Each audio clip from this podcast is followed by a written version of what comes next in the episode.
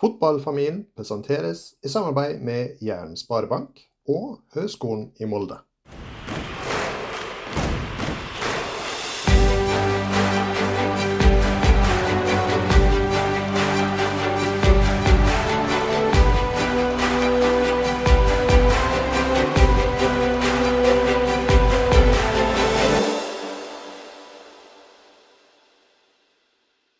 Velkommen til Fotballfamilien, en podkast for deg som er glad i fotball. Jeg heter Anders Solfrid Gjerseth, og med meg så har jeg Sander eh, Gjerseth. Hei, hei. Hei, hei. I dag så har vi en eh, knallgjest. Eh, jeg må si jeg gleder meg ekstremt til å høre litt grann om reisa gjesten har hatt inn i eh, fotballverden eh, og, og, og der og i dag. Så er vi veldig glad for at vi har med kvinne for andre gang. Eh, så får vi litt med kjønnsbalansen også. Dagens gjest, norsk fotballtrener, tidligere fotballspiller, eh, har eh, representert Norge på, på, ungdomsnivå, så vidt jeg har forstått, og har spilt med profiler som eh, Guro Reiten og Gra Caroline Graham Hansen i, i tidligere tider. Etter å ha lagt opp som 17-åring pga. skadeproblemer, så har hun altså rett og slett eh, valgt en trenerkarriere, og er i det jeg vil karakterisere forholdsvis ung alder, eh, ganske erfaren allerede. Så velkommen til deg, Renate Blindheim. Takk for det. Veldig kjekt at du ville være med oss. Jeg har jo hatt privilegiet nå for lov å lese meg litt opp, uh, så jeg har kanskje litt forhåndsinfo. Men uh, jeg tenker for den jevne norske fotballsupporter så er det ikke sikkert alle like oppdatert på hvem du er. Uh, så hvem er Renate Blindheim? Nei, Forståelig nok at kanskje ikke alle vet det. Men eh, jeg er Renate Blindheim, jeg er 29 år. Jeg er i utgangspunktet utdannet lærer, har jobbet litt som det. Mm. Og så har jeg oh, de siste fire-fem årene vært så heldig at jeg har fått lov å jobbe sånn relativt fulltid med fotball. Det var først i Åsane fotball, og nå er jeg trener for Sotra sitt herrelag i Post Nordligaen. Det er imponerende. Jeg vil jo nesten si at du, du ble liksom global Eh, si, globalt fenomen. fordi at du fikk jo ganske mye oppmerksomhet internasjonalt når du ble ansatt i Sotra. Ja, det var helt ekstremt hvor mye oppmerksomhet det var. Jeg hoppet, det ble litt sånn, gikk litt fort i svingene når jeg fikk den jobben, så jeg hadde ikke helt reflektert rundt det. Og jeg så nå kanskje for meg at sånn ja, BA og BT, lokale aviser i Bergen, ja det blir nå sikkert noe. Men eh, at det skulle gå verden rundt og at det skulle være så massivt, så det var det hadde jeg ikke tenkt på. Men eh, det var bare positivt, altså det var gøy. Ja, det er jo veldig kjekt. Eh, jeg forsto jo sånn at du er den første eh, kvinnelige eh, treneren for et mannlig seniorlag i de tre øverste divisjonene, stemmer ikke det? Jo, hovedtrener. Ja, det er jo eh, kult. Okay. Altså, må, men når du jobba i Åsne, var det også menn du trente der? Ja, det stemmer. Jeg var først trener på sånn, altså jeg var liksom i den andre lagsgruppen. Det var først med de som spilte sånn G19 nasjonalserie. Og så var jeg og assistenttrener til Sindre Kjelmeland, som nå er i Start. Ja. Så var jeg etter hvert hovedtrener på sånne to som spiller i fjerde divisjon. Riktig. Jo, eh, altså, hvorfor herrer? Hvorfor er det så eh, attraktivt? Mm, det er jo kanskje litt tilfeldig. Altså, jeg har ja. trent jentelag også, men det var på veldig sånn hobbybasis. Da. Men litt tilfeldig. Og så når jeg begynte med det, så fant jeg ut at jeg syntes det var kjekt. Og så er jo ikke det for å snakke ned eller opp den ene kontra den andre, men det er et eller annet ved det som gjør at jeg syns det er veldig gøy, i hvert fall. Mm. Ok. Eh, Sande, du hadde jo noe du lurte på? Ja, altså jeg lurer litt sånn Jeg syns jo det som pappa sier, det er svært interessant å, å, høre mer om det. Jeg lurer litt på sånn, hvordan det endte med at du fikk hovedtrenerjobben i, i Sotra, da. Hmm. Nei, det var Altså, jeg mener i hvert fall at det var ganske tilfeldig. Da var jeg trener i Åsane. Jeg husker for så vidt fortsatt eh, når de ringte. da, altså det var veldig, hadde vært litt sånn styrete i Sotra. Så hadde de fått inn en ny trener. Så kom korona. Så spillerne hadde jo vært permitterte. og Det var liksom ikke så mye som var på stell. Jeg tror de var en type åtte-ni spillere på kontrakt. Mm. Så fikk jeg en telefon eh, om at, dette, liksom, om at de var litt interessert og trengte ny trener for han forrige sluttet. Ja. Da ringte de til Åsane, og jeg fikk liksom den beskjeden da også fra daglig leder i Åsane. Og jeg reagerte vel ved å begynne å le. Jeg tenkte sånn Har det klikket for de her? Altså liksom Hvem har fått denne ideen?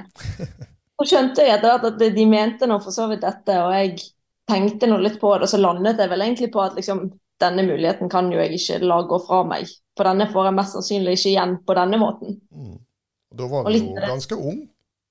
Ja, da var jeg 26 år. Ja, 26 år, og du, du våger deg ut på å trene et norsk herrelag. Det syns jeg er modig. Ja, og det er vel kanskje litt sånn jeg er, at er sånn, jeg kan tenke mye, men akkurat når det kommer til sånne ting, så ja, hvorfor ikke? Jeg kan jo bare prøve. Litt av fordelen ved det var jo at de var tippet klink sist. Altså, forventningene var helt ekstremt lav, så det gjorde det jo litt lettere å liksom tørre, for du følte at her har det vært mye styr her. Du har på en måte ingenting å tape. Mm.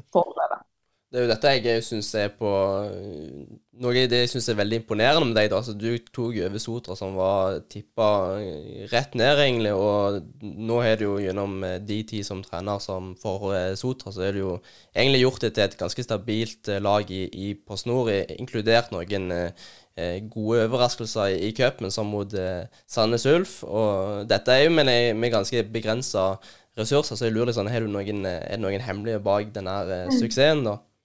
Eh, nei, jeg tror jo først og fremst jeg tror jo kanskje laget aldri har vært så dårlig som folk skulle ha det til. Eh, det er i hvert fall min mening. Og så er det jo litt sånn når man har lite ressurser, så, så alle studerer eller jobber på dagtid. Så det er jo liksom å finne en sånn balanse mellom at det skal være gøy og at alle skal føle at de blir bedre. Vi er veldig innforstått med at vi må gjerne være et sånn springbrett videre for en del. Mm. Altså, det er jo ingen som liksom skal nå toppen i Sotra, forhåpentligvis. Men at det at OK, du tjener ikke så mye, men vi prøver i hvert fall å lage en veldig god utviklingsarena, da. Sånn at vi forhåpentligvis kan slippe spillere opp i Obos. Er det sånn at dere har mye unge spillere, da? Eh, ja, sånn jevnt. Altså de fleste nå er vel født i typ fra 2001 til 99, og så er det noen som er eldre. Ja. Mange i det sjiktet der, da. Mm. Vi vet jo på en måte at Bergen er en ganske um, unik fotballby i, i norsk målestokk. Og da skal vi si Bergen og omegn det er jo et spesielt folkeslag. Tror du det er tilfeldig at det er akkurat i, i det området at en har valgt å tørre å satse litt sånn, hva skal vi kalle det, utradisjonelt? Ja, det er jo kanskje litt tilfeldig, men det kan jo hende det på en måte kler litt hvordan folk er og hvordan folk Mm. tenker. Og eh, ja, altså jeg, jeg håper jo på sett og vis at flere tør å prøve det. Samtidig så er jo jeg veldig opptatt av at jeg mener jo man må være flink nok. Altså, Mm. Ja, jeg ja. vil jo jeg forstår at i noen settinger så sniker jeg jo kanskje i en kø fordi at jeg er- har det motsatte kjønn, og det er gunstig at man skal ha noen av det motsatte kjønn i fotballen, men samtidig så håper jeg at det er en viss sånn eh, ja, At ikke det er den hele vurderingen, da. Mm. At det ligger litt kompetanse i det òg. Ja. Jeg er helt enig. altså Jeg kjenner meg jo godt igjen. Jeg har jo jobba i helsesektoren hele livet og har hatt mange fordeler som mann i, i et kvinnedominert yrke. Eh, men, men det må jo alltid være kompetanse som skal ligge til grunn. Eh, hva slags trenerskole har du gått? Nei, jeg mener jo på et vis at jeg ble ekte fotballtrener når jeg kom inn i Åsane. Altså mm. Før det så var det jo litt sånn Altså jeg lærte jo mye av det, men da var det veldig sånn hobbybasert, og jeg hadde ikke altfor mange tanker om hva jeg gjorde og hvorfor. Men i Åsane lærte jeg jo mye i den forstand at eh, man var veldig opptatt av detaljer. Man var veldig opptatt av hvordan skal man spille fotball, i form av at det var helt ekstremt tydelig at vi skal ha ballen. Og jeg har tatt med meg skikkelig mye av det. At liksom sånn, ok, vi skal eie kampen gjennom possession-spill og liksom være det førende laget. Samtidig så har jeg nok lagt liksom en del av de tingene litt vekk, fordi at det, det er ikke så enkelt. Det hjelper liksom ikke å bare ha masse ball, og så har du vunnet fotballkampen. Du må skåre flest mål og slippe inn færrest mål. Viss struktur må man ha. Ok, vi skal bevege oss litt videre. Eh, litt sånn bakteppe for eh, podkasten vår. ja. Vi ønsker jo å skille oss litt ut, og, og har på en måte hatt som hovedfokus å, å dykke litt inn i mekanismene som ikke handler om det fotballtekniske, eh, som er mer på en måte knytta til relasjoner, motivasjon, utvikling og læring.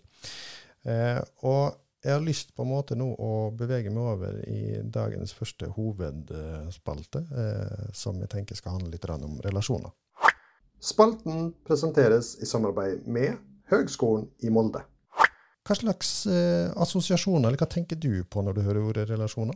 Eh, Nei, jeg tenker vel på det å gjøre noe, altså det å forholde seg til andre, det å eh, samarbeide med andre, og det å liksom få til noe gjennom å være sammen, på et vis. Mm. Fellesprosjekt, på en måte? Ja. Mm. Hvilken betydning tror du relasjoner har i f.eks. fotballen? Å, jeg tror det har mye å si. Altså, jeg tror det har veldig mye å si at eh, det må jo altså I bunn og grunn så må det jo først og fremst være gøy å gå på trening. Eh, det må være noe kjekt i det som gjør at utviklingen kommer, og at man får til det man ønsker å prøve på. I tillegg til at det skal liksom utfordre hverandre ved at du må være i en sosial setting. Og så tror jeg jo at liksom det å samarbeide om noe er det som ja, gjør at det er kjekt å lykkes, og er det som gjør at man lykkes. Mm. Så at en på en måte sånn eh, sammen på en måte er, drar i samme retning og har felles mål? Ja. Fell, altså mange har jo på en måte trukket frem eh, det med eh, for å få ei gruppe til å fungere, at en må ha en sånn type trygghet i bånd, og, og, at en har en sånn åpenhet og tillitskultur eh, i, i, dag. Eh, hvordan jobber du, eh, og hvor bevisst er du på en måte liksom måten du er med å skape en slags form for trygghet, åpenhet og tillit i en prestasjonsgruppe? Eh, først og fremst er jeg i hvert fall veldig opptatt av hvilke spillere vi ønsker å ha hos oss. Eh, at jeg ønsker at det skal være en sånn ganske homogen gruppe. Altså vi skal være liksom Vi skal være snille med hverandre. Vi skal liksom eh, skape den tryggheten i bunnen som gjør at her kan alle bli gode, og her kan vi lykkes sammen. Samtidig som at det er viktig at du har en sånn takhøyde for at det er lov å gi beskjed. Og den balansen er jo kanskje av og til litt vanskelig å finne. Mm. Altså, jeg tror jo at de kanskje vil oppleve meg som um, Ja, altså at jeg kan være litt sånn brå i enkelte settinger, samtidig som at jeg tror jo og håper at de på samme tid egentlig tør å si ting til meg, og være, at jeg kan være en de på en måte stoler skikkelig på. Ja, Opplever du på en måte det at tilbakemeldingene dine tyder på at du, du får det til? Eh, sikkert i varierende grad. Jeg synes jo det, det er jo som med meg, som alle andre i den garderoben, så er det jo noen du liksom har en, nesten en automatisk bedre relasjon med enn andre. Mm. Altså Noe klaffer helt naturlig, mens andre relasjoner må man liksom i større grad jobbe for å få til å fungere på samme måte. Så sikkert eh, Jeg tipper hvis man hadde spurt de, så hadde liksom noen sagt klink ja. Mm. Noen hadde sikkert sagt sånn ja, jeg tror det. Og så er det sikkert noen som hadde sagt at sånn ja, den kunne sikkert vært bedre jeg, jeg, tenker litt sånn, Det er noe av det farligste du kanskje kan gjøre når du skal være leder for i hvert fall en prestasjonsgruppe, må jo være liksom det at du skal prøve å gjøre alle til laks. Ja, absolutt. Det, det er jo viktig at altså, jeg må være meg sjøl. Mm. Altså, hvis jeg begynner å forandre Jeg skal selvfølgelig jobbe med å bli bedre på de tingene jeg ikke er så god på, men noen ting må på en måte ligge litt i bunnen. At OK, sånn er jeg, og så må vi eh, jobbe ut fra det. Mm. På samme måte som at man behandler spillere ulikt ut fra hvordan er de.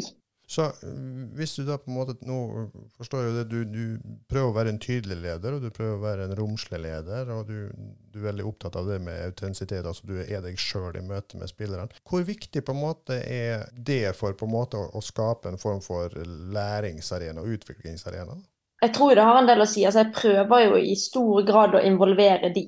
Mm. At ikke det er sånn at OK, her jeg vet alt for det vet jeg absolutt ikke. I tillegg til at hvis jeg så hadde ment det, så tror jeg ikke det hadde vært lurt å liksom eh, ja, være sånn utad. Så jeg, jeg, prøver jo liksom å la alle få lov å mene noe, sånn at det er aldri noen som får kjeft fordi at de gjør noe feil. Det er aldri noen som liksom Hvis det er sånn Jeg mener at det er sykt viktig at kantene våre er rettvendt. Men du får ikke kjeft hvis du er feilvendt. Du får bare en påminnelse om at ah, husker du hva du skal, liksom. Mm tror i hvert fall at på den måten så klarer vi å skape en sånn ja, en utviklingsarena, da, på et vis. Det er litt sånn gammel, gubbete kultur der en tror at en kan kjefte folk til å prestere? Ja, jeg har i hvert fall ekstremt liten tro på det sånn generelt også alltid skulle påpeke feil. Mm. Altså Det er åpenbart at hvis vi slipper inn et mål, mm. så er det noe vi kunne gjort bedre. Men kanskje det av, oftere er bedre å vise OK, men se hvor bra disse tre situasjonene var. Fordi at der hadde vi markert ut i boks, eller der tørde vi å stå så høyt, kontra og fokusere på det vi ikke får til. Ja, det høres eh, veldig logisk og fornuftig ut på meg, eh, sånn sett. Eh, hvis du tenker da på en måte liksom det med eh, menn versus kvinner, for det er jo på en måte en kjønnsforskjell, det må vi jo bare erkjenne. Og, og jeg vet jo en del mannlige trenere jeg har snakka med opp gjennom årene, sier jo det at du må liksom tilnærme deg kvinner i en prestasjonsgruppe litt annerledes enn menn.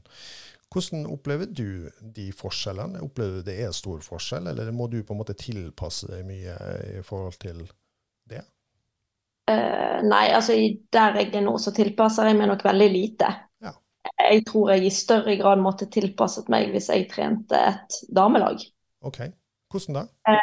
Det er jo litt sånn, det er jo alltid dumt å dra alle under en kam, men jeg tror at det er lettere i den garderoben jeg er i nå, og kanskje liksom bare si ting, og så er det ikke alltid så fryktelig nøye.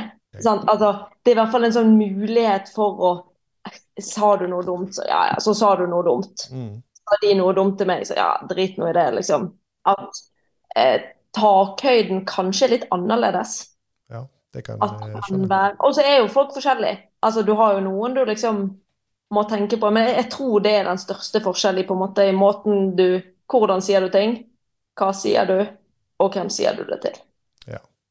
Ja, og jeg tenker at altså, du sier du skal ikke skjære alle over en kam, og det er ikke min intensjon heller. altså Vi snakker jo litt sånn i generelle betraktninger, så må man jo alltid tilpasse det individuelt. Men det er spennende det du sier, for det, det, det er klart dette her er, gjelder jo ikke bare i fotballen. Det ser en igjen på alle arenaer, og alt fra skole til, eh, til samliv til foreldrerolle. Altså Alle plan i samfunnet så vil jo se de forskjellene, og så er det jo så viktig at vi ikke glemmer at vi er forskjellige. Litt sånn som du sier òg, da, at du, du, eh, du må liksom tenke litt at en, en tilnærmer seg gruppe, men så må du òg på en måte tenke å behandle hver enkelt ut ifra sine forutsetninger. Jobber du mye litt sånn individuelt med de mentale aspektene eh, i fotball? Og jeg skulle ønske det var på en mer systematisk måte. Mm. Men jeg tror jo at det jeg liksom sånn gjennomgående gjør, er å forsøke at folk skal tørre. At liksom vi skal være modige i, det, i absolutt alt vi gjør. Så at ikke man skal være låst av det er rett eller det er feil, men liksom tørre å prøve. Og så skulle jeg jo ønske at på en måte tiden oftere strakk til til at man kunne sånn OK, nå skal vi jobbe med dette over tid. Men eh, det, det syns jeg er litt vanskelig. Så det, det, der er det på en måte utviklingspotensial? Absolutt, og det tror jeg det sånn generelt det er i, altså i alt som har med relasjonsbygging, i alle de tingene ved at altså Vi har jo et veldig kort tidsrom sammen. Mm. Altså Hvis vi trener i dag klokken fem, så kommer spillerne halv fem, og så har de vært på jobb hele dagen, så de vil jo helst gå relativt kort tid etterpå. Så det krever litt å liksom klare å bli godt kjent med alle, klare å liksom trykke på de riktige knappene hos alle.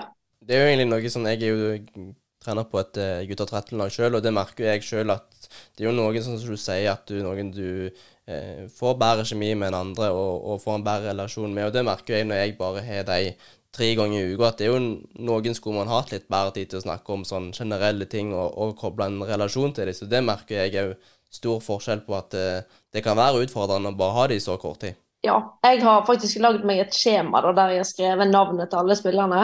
Eh, sånn at jeg skal liksom hver uke sjekke av hvem har jeg snakket med. Sånn, så Mm. vil det jo av og til være sånn OK, deg har jeg snakket med på en faglig måte. Eller så kan det være deg har jeg snakket med på sånn Ja, hvordan gikk det med eksamen, eller hva skal du i sommer? Mm. Bare for oss å se. Og det er jo litt interessant å se at det er noen som får det krysset hver uke, men det er ikke alle. Nei. Og litt sånn For å følge opp det Sander sier, på en måte, da, bare liksom løfte inn i din kontekst. Hvor, hvor stort støtteapparat har du, f.eks.? Eh, vi er tre stykker. Så jeg har med en som er Andreas Halstad, han er sportssjef og fikser en del sånn praktiske ting. Mm. Og så er Ole Thomas Herrem, han er med som assistenttrener. Så vi er jo veldig få, da. Altså vi er ganske lite. Vi er ikke keepertrener. Vi har lagledere som av og til kommer og hjelper oss litt med klesvask og sånn. Så det er jo også en faktor at vi er tre stykker, og de to andre kommer jo av og til gjerne samtidig som spillerne. Fordi at de må nå være på sin jobb der de, der de får lønnen sin. Ja. Ja, og da, da tenker jeg litt sånn som igjen, som Sander er inne på det med Noen klikker en greiere med, og noen tar gjerne mer kontakt, noen må jobbe litt mer for. Og det er så lite apparat, da, fordi en, del av de trenerne som vi har snakket med? De, de er jo trenere på, på eliteserienivå eller, eller høyere, og har på en måte liksom de erfaringene de kan spille på så veldig mange. Mm. Men, men jeg tenker jo at når du er så få i et støtteapparat, så, så tenker du, da tenker jeg i hvert fall at relasjonen mellom dere som samarbeider må jo være ekstremt viktig. Ja, det er veldig viktig at det fungerer. og det er jo ikke alltid sånn Vi har hatt masse tid til å sitte oss ned sammen en hel dag og liksom se på ting. Så det er jo viktig at vi snakker sammen så ofte vi kan. Mm. Både med tanke på liksom den fotballbiten og hvordan skal vi trene og hvordan skal vi lære vekk og hvordan skal vi spille. Men ikke minst det at OK, har du snakket med han, vil du ta en prat med han? Eh, Ja, for å liksom sørge for at alle blir sett, da. Mm. Men jeg opplever at vi tre har et uh, samarbeid som er veldig godt. Og vi har periodevis så har teamet mitt bestått av færre folk, så akkurat nå syns jeg det fungerer veldig fint. Det er jo også på en måte litt sånn at selv om du er fotballspiller, og også på, på, på snornivå, så, så, er det jo på en måte et liv utenfor fotballen òg. Eh, hvor mye tid har du kapasitet til å følge liksom sånn, Hvis det er en spiller da, som sliter med et eller annet på uten, å, og, og prestasjonene preges av det, hvor, hvor, hvordan fanger du opp sånne ting, og hvor mye tid bruker du på, på den type ting? Oh, nei, altså jeg prøver jo å snakke med folk, og det er jo av og til du liksom merker på noen at OK, her er det et eller annet. Mm. Um, så enkelte kommer jo litt sånn som vi har vært inne på tidligere, til meg på en naturlig måte. Andre må du kanskje sånn OK, her merker jeg at det er noe. Og da tør jeg å være veldig ærlig og liksom spørre altså hva er det? Eh, og måten jeg ofte løser det ved, er jo at altså, vi er veldig sånn på at OK, må du ha en dag fri, eller måtte du hatt en uke fri, så får du det er liksom ikke Det er viktig å tenke på at eh, ja, folk her er på jobb fra åtte til fire. Eh, så skal de på fotballtrening, og så har du kanskje familie i tillegg. Da sier det seg sjøl at det kan gjerne i enkelte settinger bli litt mye. Så vi prøver ikke å trene for mye heller. Det tror jeg er litt viktig, at ikke det skal gå seks-syv dager i uken hver eneste uke. Nei, og det er jo Jeg vet ikke om du vet hvem han er, Ørjan Nygaard, som er en av trenerapparatet til eh, Bodø-Glimt. Han eh, jobber jo mye med det fysiske i fotball. Han sier jo det at generelt sett så handler det jo mye mer om det med periodisering og, og tilpasning av treningsmengde. Det må jo være krevende med folk som har fulltidsjobb, og, og der du skal liksom Du har resultatkrav og prestasjonskrav, men forholdsvis begrensa ressurser. Ja, altså jeg mener at 50 eh, av det vi skal gjøre på trening, må egentlig være basert på gøy. Altså, hvis jeg skal Jeg, jeg har jo litt tro på det uansett, da. At det å trigger at alle disse driver med dette fordi de syns fotball er sykt gøy. Eh, og, og, det må man jo ikke miste opp i det hele. Men det er vanskelig. altså Det går på hvor tid på dagen skal du trene. Hva er best? Så går det på hvor stor bane har du. Dette er første året vi har Jeg har vært i Sotra der vi har full bane hver dag. Det legger jo noen føringer på eh, hvor stort kan du spille, eh, hvordan skal du bygge opp treningen, hvor tung skal den være. altså rett for at Spiller du fire mot fire, så er det en ganske tung økt, kontra hvis du f.eks. spiller litt større. Eh, så det er mange sånne ting å tenke på, da. Men eh, jeg tror det er veldig viktig å spørre spillerne, i hvert fall. De kjenner veldig mye bedre, mer på det enn meg. Spillerne får på en måte litt sånn medbestemmelse, medansvar? Eh, ja, Eh, og jeg, jeg, har jo litt troen på det sånn uansett. Og så tror jeg det er litt viktig at det er veldig mange ting jeg ikke vet. Og jeg kan tro at altså, når Bodø-Glimt, som har en fysisk trener og som har eh, måleapparater, og har jo bedre forutsetninger for å si at OK, så tung var denne fotballtreningen. Jeg, kan, jeg må jo tenke at OK, i dag skal det ikke være så tungt. Og så må jeg føle meg frem til var det så tungt eller var det så lett. Og da er det ekstremt viktig å høre med de hvordan er det faktisk. Da tenker jeg at eh, relasjonen må jo bli ekstremt viktig for at eh, den dialogen skal bli tett og god. Ja, og ikke minst for at de skal tørre å si det de faktisk mener, mm. ikke det de tror jeg vil høre. Mm. Du blir, du blir, ekstremt uh, sårbart hvis ikke. Eh, jeg har lyst til å liksom bare høre med deg litt sånn personlig. da. Eh, hvilke relasjoner er det som er viktigst i ditt liv for at du skal kunne prestere best mulig og ha det best mulig? Eh, nei, det er jo sånn primært familierelasjon. Mm. Det at liksom OK, de tingene er på stell, og der kan man diskutere litt. Og så syns jeg jo av, som oftest at det er behagelig å ikke skulle diskutere eh, fotball alltid, men at du også liksom har litt andre ting. Hører du, Sender? Det er mulig å snakke om andre ting enn fotball? Jeg er ikke så veldig god på det sjøl, så det er sikkert ikke jeg som skal dele noen tips. Nei da, det var en intern spøk. Men, men eh, OK, så eh, hvor viktig har på en måte da de relasjonene hjemmefra vært for at du på en måte liksom har eh, både våget og tatt muligheten, og fått eh, muligheten til å ta de stegene du har gjort? Eh, nei, altså sånn først og fremst så er det jo liksom på den måten det har vært så naturlig for meg å drive med fotball. Fordi at det har alle de andre gjort. Og så hjelper det jo at de på et vis er engasjert i det og syns det er gøy. Eh, så det at det liksom er noe som Eh, alle setter pris på, har litt å si. Og så, så er jeg sånn, altså jeg er liksom ikke sånn jeg skulle til å si, feil å si, kanskje ikke så opptatt av følelser og alt mulig sånn, men tar litt lett på sånne ting, egentlig. okay. Ja, men det, det, er jo hyggelig å høre ei kvinne som kan si det. Men, eh, men, eh, OK. Men du har ei yngre søster òg som spiller? Det er, ja, hun har sluttet nå, men hun ja. også har spilt fotball lenge, ja. Ja, for jeg forstår sånn, du hadde trent henne òg en eller annen gang? Ja, det var på en måte på den måten jeg begynte å være fotballtrener. Når jeg ble skadet, så trente min far eh, hundeslag. Ja. Og så var det litt sånn, kanskje du være med, da var jeg spiss, Og var det sånn, ja, kanskje du har litt avslutningstrening med de, og ja. Så det var på en veldig sånn, eh, ja, enkel og naturlig måte jeg liksom kom inn i det på. Så litt sånn før vi avslutter denne delen av samtalen. Hvor lett er det å kombinere livet som fotballtrener med livet utenfor fotballen? Mm, altså, du har jo litt fleksibilitet ved liksom hvor tid du jobber og sånn på ett vis. Samtidig så er det jo jeg syns jo det er veldig vanskelig å skulle liksom legge det fra seg. Altså, det, det er alltid noe du kan gjøre, for du blir liksom aldri ferdig. Så jeg syns ikke det er vanskelig å kombinere, men du ofrer jo en del ting. Sant? Altså, du, du har aldri en ledig helg eller en eh, ledig ettermiddag, stort sett. Og så ja, kunne jeg sikkert, som sikkert absolutt alle andre fotballtrenere, vært flinkere til å sånn Nå går jeg hjem, og nå er jeg ferdig med dette. Ja, det kan jeg tenke meg. Jeg skrur av ikke alltid like rett. Iallfall ikke et sånn altoppslukende arbeidsområde som fotballen faktisk blir. da. Nei, så liksom, altså Når vi er nå har kamp på lørdag, så skal jeg føle at jeg har gjort absolutt alt jeg kan, i hvert fall. Mm. Jeg hadde ikke, jeg gidder liksom ikke sitte på søndagen og bare sånn ja, Det var dumt at jeg tok fri på torsdag der. Vi skal bevege oss litt videre. Spalten presenteres i samarbeid med Jæren Sparebank. Det er som vi sier det på Jæren. Det er jabbene som drar. Da har jeg lyst til å snakke litt om eh, motivasjon og utvikling. Først av alt, du måtte jo legge opp i Og du, i og med at du har representert Norge på, på ungdomsnivå, så vil jeg anta at du hadde jo et forholdsvis eh, bra talent. Ja, jeg var, jeg var OK når jeg var liten, ja. Ja. Hvordan er det på en måte som 17-åring å liksom måtte legge drømmen om det bort?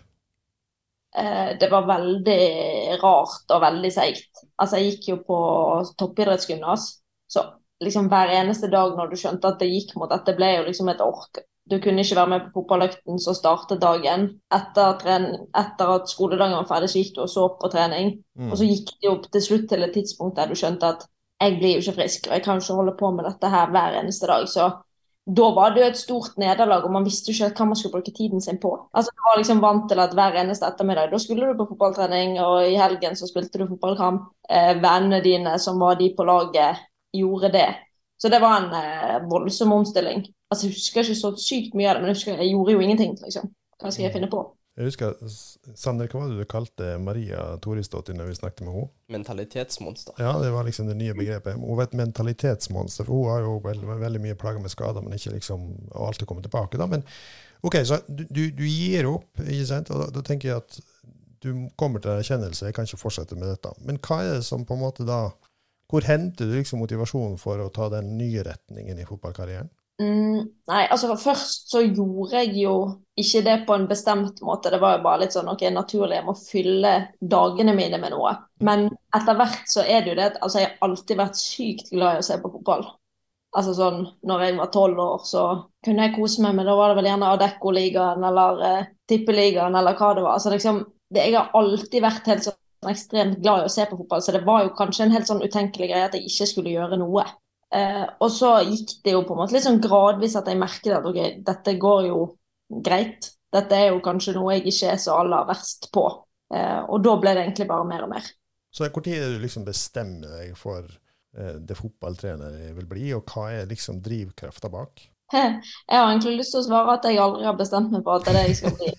du, du, er- du er Men- i, i bevegelse? Ja, altså det, det var litt sånn Jeg syns det var gøy. Jeg var trener i en lokalklubb, Admira, i Gneist her. Og så var jeg med litt rundt kretslag og sånn, og syntes jo det var veldig gøy. Og så er det vel i det øyeblikket jeg får tilbud om den jobben i Åsane, at jeg skjønner at dette er jeg villig til å bruke veldig mye tid på. Og ofre en del ting på. Altså, jeg bodde lenge hjemme. Eh, jeg tjente i starten fryktelig dårlig.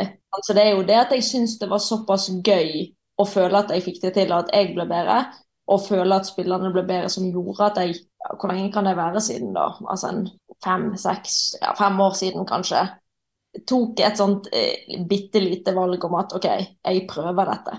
Så du er fortsatt ikke bestemt deg for om du vil bli fotballtrener? altså jeg har jo Jeg syns jo det er kjempegøy. Altså jeg mener at jeg har en så gøy hverdag som det er mulig å ha.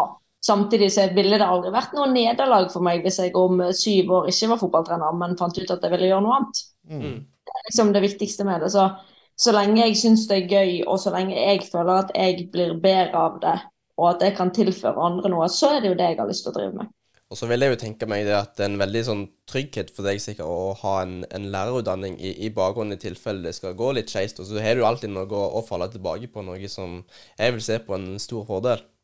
Ja, helt ekstremt. Og det var jo litt sånn i starten når jeg som sagt ikke tjente så godt og brukte all min tid på det, så var det jo med en visshet om at hvis jeg ikke skulle gidde mer i morgen, så hadde jeg hatt en jobb å gå til. Mm. Ja, jeg ønsker litt videre å snakke litt om, om dine videre ambisjoner som eh, fotballtrener. Jeg regner med nå har du vært i, i Sotra et par år. Er det sånn at du tenker at du vil, du vil videre? Eh, jeg ønsker jo å ta et steg videre i det øyeblikket jeg føler at eh, jeg hadde vært flink nok til den muligheten som eventuelt hadde dukket opp, eller at det var en type mulighet sånn som sist og sånn. Dette kan du ikke si nei til. Men jeg er veldig fornøyd med den jobben jeg har, og jeg opplever jo at vi sånn gradvis hele veien har blitt bedre. Og da gir det meg såpass mye at liksom, det er ingenting jeg stresser med, i hvert fall. Jeg, jeg leste jo bl.a. at du eh, hadde som et mål å bli eh, trener i uh, Eliteserien for menn. ja, jeg hadde ikke vært så mange ganger jeg snakket så mange ganger med avisen den dagen det ringte noen og jeg sa det, men uh, ja, altså det er jo ingenting som hadde vært gøyere enn hvis, hvis man klarte å liksom nå det høyeste nivået i Norge. Så tror jeg at jeg er langt unna det, og jeg tror man sånn generelt er ganske langt unna å, å være i den posisjonen at det plutselig er en kvinnelig hovedtrener i Eliteserien. Så jeg må bli ganske mye bedre før den tid, og det må nok komme en sånn aksept for at det er noe som skal skje, tror jeg. Men er det på en måte en sånn type motivasjonsfaktor? Eh, altså, jeg er jo i utgangspunktet ikke veldig glad i oppmerksomhet. Så høres jo det veldig rart ut å si, for jeg får jo kastet oppmerksomhet etter meg i alle mulige retninger. Men det er jo et eller annet som trigger det ved at ting ikke har skjedd før. Altså, mm. Det hadde vært gøy hvis jeg var den første kvinnelige treneren i Obos òg, liksom. Det, det, er jo ikke til å legge skjul på at det er jo et eller annet i det som gjør at OK, ja, skal jeg klare det da, eller kan jeg prøve på det? Jeg vil òg tro det at det er veldig viktig som eh, i forhold til en trener kontra en fotballspiller. Da, at liksom at Selv om du har ambisjon om å komme deg videre, at du som trener må du kanskje tenke litt annerledes. At det er veldig viktig at du er veldig til stede og har tro på prosjektet så lenge du er der uansett.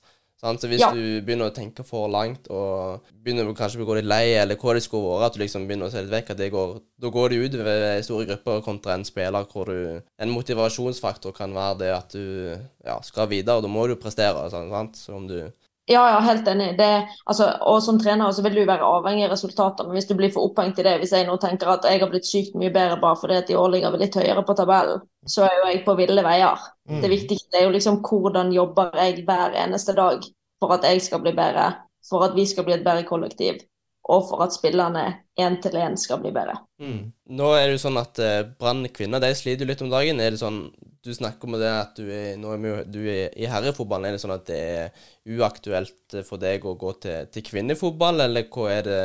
Er det noe som kunne vært interesse for deg å ta over den jobben i Brann kvinner? Eh, sånn I utgangspunktet så er jeg veldig åpen for absolutt alt.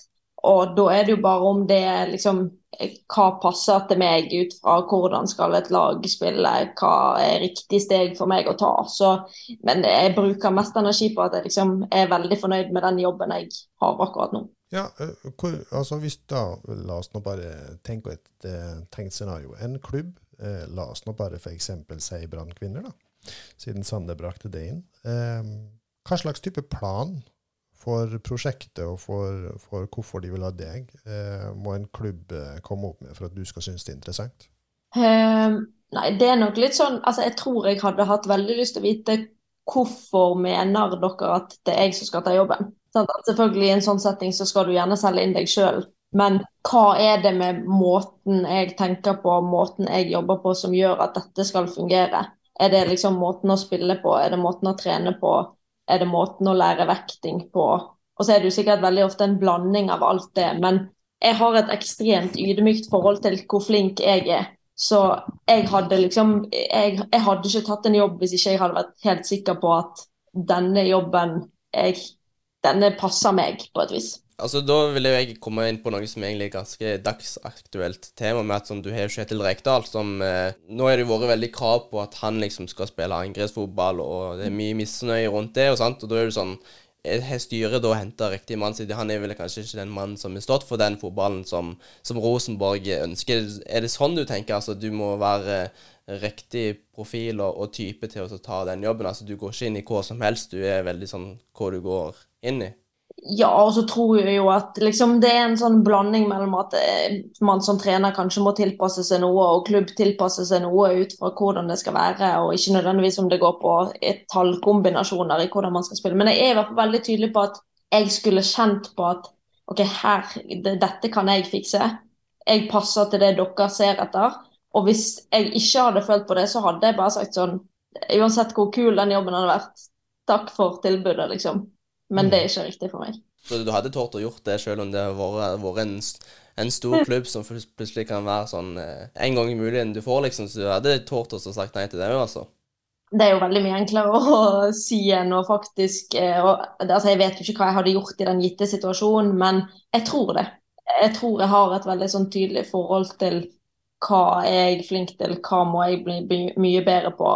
Eh, og så er det jo ikke til å legge skjul på at det, hvis jeg skulle tatt et steg opp, så ville jo det vært helt andre me mekanismer. Altså, jeg jobber jo primært alene.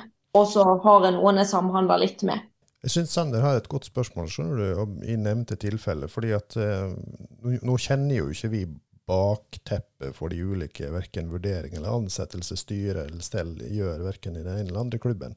Men generelt sett så er jo mitt inntrykk av at eh, det er mye gode norske fotballtrenere, men eh, jeg syns kanskje det er færre gode fotballedere.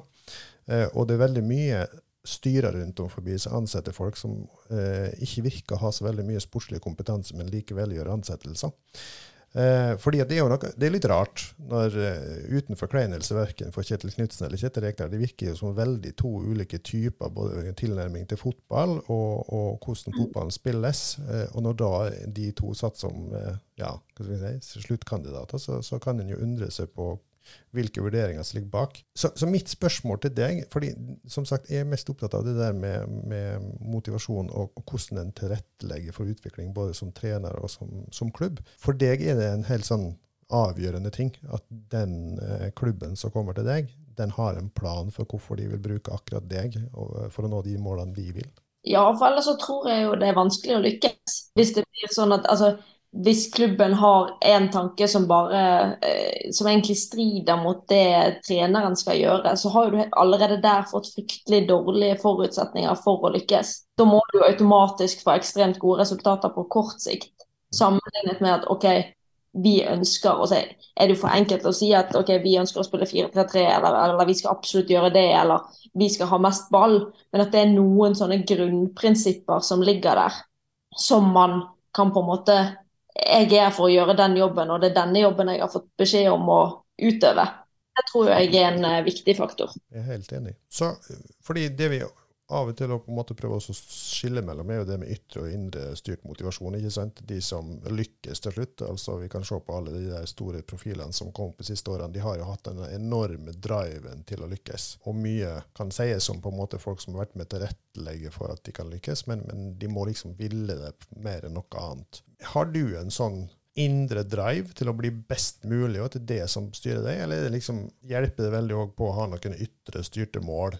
Eh, jeg tror jo at absolutt alle egentlig har litt av begge deler, men for meg så føler jeg ganske tydelig at det er den indre motivasjonen av at jeg vil gjøre en så god jobb jeg kan for å bli bedre på hvert eneste område. Altså, Jeg bruker helt ekstremt mye tid på altså Alle spillerne får individuell video tilsendt. Det gjør jeg jo selvfølgelig for at de skal bli bedre, men den som blir best av det, er jo meg. Det er jo fordi at jeg sitter og ser på små detaljer, så plutselig har jeg lært noe nytt på et vis av meg sjøl. Uten å egentlig ha et mål om at jeg skal lære mer om høyt press, så har jeg plutselig knekt noen koder. Det syns jeg var et uh, bra poeng. Du er jo lærer i bånn, som Sander sier. Uh, jeg har et inntrykk av at veldig mye av de som er de beste trenerne, også har en eller annen sånn for pedagogisk eller didaktisk tilnærming i bånn? Ja, det tror jeg òg er ganske mange. Det er jo kanskje litt sånn naturlig at du eh, altså du har, Det er jo en grunn for at du har valgt å bli lærer. Det er jo gjerne fordi at du passer til og ønsker å omgås andre mennesker i den settingen. At du har evnen til å lære fra deg på et spesielt vis eller i større eller mindre grad. Så jeg tror jo liksom noe i det at du har lyst, lyst til å lære fra deg noe, og at det gir deg noe, at andre blir bedre, eh, er veldig overførbart. da.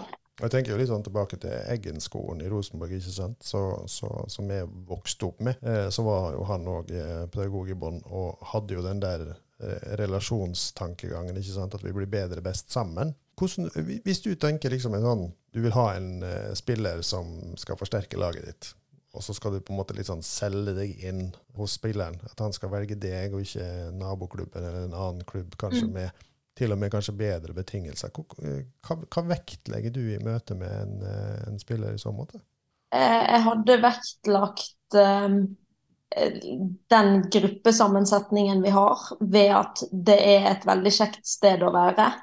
Eh, Alle er gode venner, er liksom, alle syns det er kjekt å komme i garderoben. At det gjenspeiler hvordan vi har det på trening. Eh, At vi er et fotballag som ønsker å utvikle oss. altså Vi ønsker å liksom spille på en måte som gjør at du som individ tar steg. For det er kanskje det jeg syns er aller, aller viktigst. At hvis vi slår Kvikalden på lørdag, så flott det. Men hvis ikke noen har blitt bedre på noe i løpet av de to siste ukene, så har jeg på et vis mislykkes litt. Eh, så jeg tror det liksom, og det er det vi forsøker å spille aller, aller mest på, er jo Du har tredjedivisjonsklubber i Bergen der du får mye bedre betalt. Men vi tror at her kan du bli best mulig. Du får masse individuell oppfølging. Det er fint sosialt. Og så hadde vi selvfølgelig sluppet noen videre. Uansett om vi ikke hadde blitt rikere, da. Så i praksis, det er forut av det du sier da, det er at du selger inn at her jobber vi etter på en måte litt sånn, vi ønsker å bli best mulig både sammen og hver for oss, og det er en fin utviklingsarena, mer enn på en måte litt sånn, sånn ytre styrte insentiver som lønn og, og, den type ting. da. Ja. Vi skal jo eh, begynne å, så smått begynne å gå inn for en slags landing, men jeg har lyst til å høre litt med deg litt sånn i forhold til Nå har vi spurt en del om liksom, hva som er motivasjon, og hvor du ønsker å komme, men, men hva tror du på en måte sånn for din egen utviklingsstige, da? Eh, Hva tror du blir de viktige og riktige stegene for deg videre som eh, trener? Jeg tror det er mange ting jeg trenger å bli bedre på.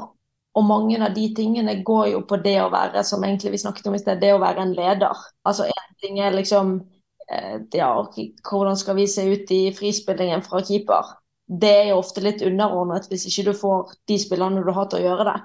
Og jeg har et veldig bevisst forhold til at jeg har en ekstremt snill spillergruppe. Altså sånn helt ekstremt snill, og de er veldig på lag med meg. Jeg tror jo jeg kunne fått veldig mye større utfordringer veldig mange andre steder. Så det at jeg ruster meg litt for det, at OK, det kan hende jeg skal trene noen som er eldre enn meg. Eh, Det kan hende jeg skal trene noen som har helt sykt mye erfaring. Det kan hende at jeg får noen vanskeligere caser enn det jeg har nå. Det må jeg på et vis ruste meg for hvis jeg skal være i nærheten av å ta et steg opp. Men når du sier det at du tror at du har en veldig grei eh, spillergruppe, tror du ikke det kan ha noe med å si på, på hvordan du òg er sjøl med deg? Jo da, det er det sikkert. Det er det sikkert at uh, det er måten vi er overfor hverandre på, altså hvordan vi behandler hverandre, hvordan vi snakker til hverandre, hvordan vi ønsker å ha det. Og så er det jo altså, det er mange gode spillere som jeg hadde tenkt sånn Deg ville jeg ikke hatt her. Mm. Det at du passer ikke inn. Og ikke nødvendigvis fordi at de hadde gitt meg motstand, for det hadde jeg bare hatt godt av. Men fordi at jeg har ikke noe tro på at liksom ja, du må være liksom bestemt på at denne oppgaven vi skal utføre, og den skal vi utføre sammen her. Jeg snakka litt med han treneren som er i, i Egersund eller Eik nå. Han var veldig opptatt av at eh, han må ha de riktige spillertypene som er med, til, er med på det til å gå den riktige veien. Og, og for eh, det i år så ser det veldig lovende ut til nå, så det det er jo positive tegn da, at man gjør noe riktig da. Ja, ja da, det er alltid liksom Det er ikke alltid du bør velge de beste, hvis ikke de passer inn. Det er jeg helt enig i òg. Eh, og, og sånn er det jo på en måte på alle, som sagt. Eh, jeg jobber jo mye med relasjoner. Nå- starta vi med relasjoner og havna litt, sånn, litt sånn i utvikling og motivasjon. Og det henger jo sammen, ikke sant. Eh, du må liksom funke sammen for å få den rette utviklingen. Og en må tåle motstand, og en må tåle forskjellighet. Og så er det jo mer på en måte litt sånn Det er mange som prøver å være ledere. Men de ender opp med å være litt sånn administratorer. Mens eh, å, å, å lede ei gruppe, det handler jo i like stor grad om å slippe folk til som det handler om å ta de viktige beslutningene eh, når du må. Ja, absolutt. Absolutt. Eh, helt på tampen, eh, Renate. Jeg har jo, Sander han har jo en sterk ambisjon om å enten bli trener eller eh, iallfall jobbe innen fotballen. Har du noen tips til en ung, fremadstormende trener eh, på veien videre opp? Jeg ville tenkt at det er veldig mange som sier at de har lyst til det. Og så tror jeg at hvis man har skikkelig lyst og jobber skikkelig for det, så tror jeg faktisk ikke det er så vanskelig. Altså hvis man liksom faktisk bruker masse tid på det. Hvis du liksom OK, dette er jeg sykt god på. Eh, dette er liksom Altså det å se masse fotball, det å sånn systematisk finne ut OK, hvorfor mener jeg at vi skal gjøre dette? For at jeg mente før at uh, så lenge laget mitt hadde ballen, så var vi gode. Jeg var ikke så opptatt av dødballer, f.eks. Og så begynte jeg plutselig å se masse på dødballer, så har vi plutselig blitt mye bedre på dødball. For det er noe vi har brukt energi på. Så det å liksom faktisk bruke tid på faget, det tror jeg er mm, kjempenyttig, og ikke minst uh, utøve det på feltet. Mm. Og jeg pleier å si at eh, jeg har ikke lyst til å bli en datatrener, men en fotballtrener som er best på det man gjør ute på trening. Mm. Men hvis du trener noen som er 13 år, så kan du garantert prøve ut masse. Jeg så jo han eh, Berntsen som hadde trent eh, Erling Breit Haaland tidlig. Han sa jo det at først så må vi på en måte utdanne mennesker, og så skal vi utdanne fotballtrenere. Er det noe som du kan stille deg bak? Ja, jeg er helt enig. Eh, Det er jeg helt enig i. Det, mm, eh, ja, det, og de to tingene henger sammen. Jeg tror Mm. ikke du klarer det ene uten at du er opptatt av det andre. Nei, og det er jo det som er så trist. Jeg opplever det er veldig mange som eh, blir veldig opptatt av det fotballfaglige og, og glemmer på en måte at det er et menneske bak, og alt som på en måte følger med det. Du, Renate, det her syns jeg har vært en eh, framifrå spennende prat. Eh, to standardspørsmål til slutt. Er det noe som eh, du tenker vi ikke har spurt om, som syns- du syns er viktig innenfor våre tema? Eh, som du syns er viktig å belyse, og som vi kan ta med oss i vårt videre arbeid? Eh, Og ikke noe jeg kommer på sånn umiddelbart. Jeg syns det har vært gode og utfordrende spørsmål for meg. Bra. Hvordan har det vært å være med i, fotballfamilien? Det har vært kjempekjekt. Det, jeg har ikke vært med i så mange sånne podkaster der jeg faktisk har fått lov å snakke om fotball og ting som henger sammen med det, så jeg syns det var veldig kjekt. Så bra. Det er vi veldig glad for å høre. Supert. Da skal vi begynne å runde. Så um, jeg vil bare På tampen så har du noen vanlige spørsmål eller eh, oppfordringer til lytterne våre, senere, har du ikke det? Jo, følg dere på sosiale medier. og Abonner på dere der du har på podkast. OK. Det var, du er blitt flink til å fatte det i korthet. Da skal jeg bare si tusen takk for eh, Ja, først og fremst tusen takk til deg, Renate, som stilte. Eh, veldig takknemlig for det. Og ønsker deg eh, all hell og lykke. Og gleder meg til å følge videre med på hvor du eh, videre trenerkarrieren din eh, ender opp. Takk for det. Så takk til deg som eh, faktisk har satt av en time til å lytte på oss, og sier bare på gjenhør.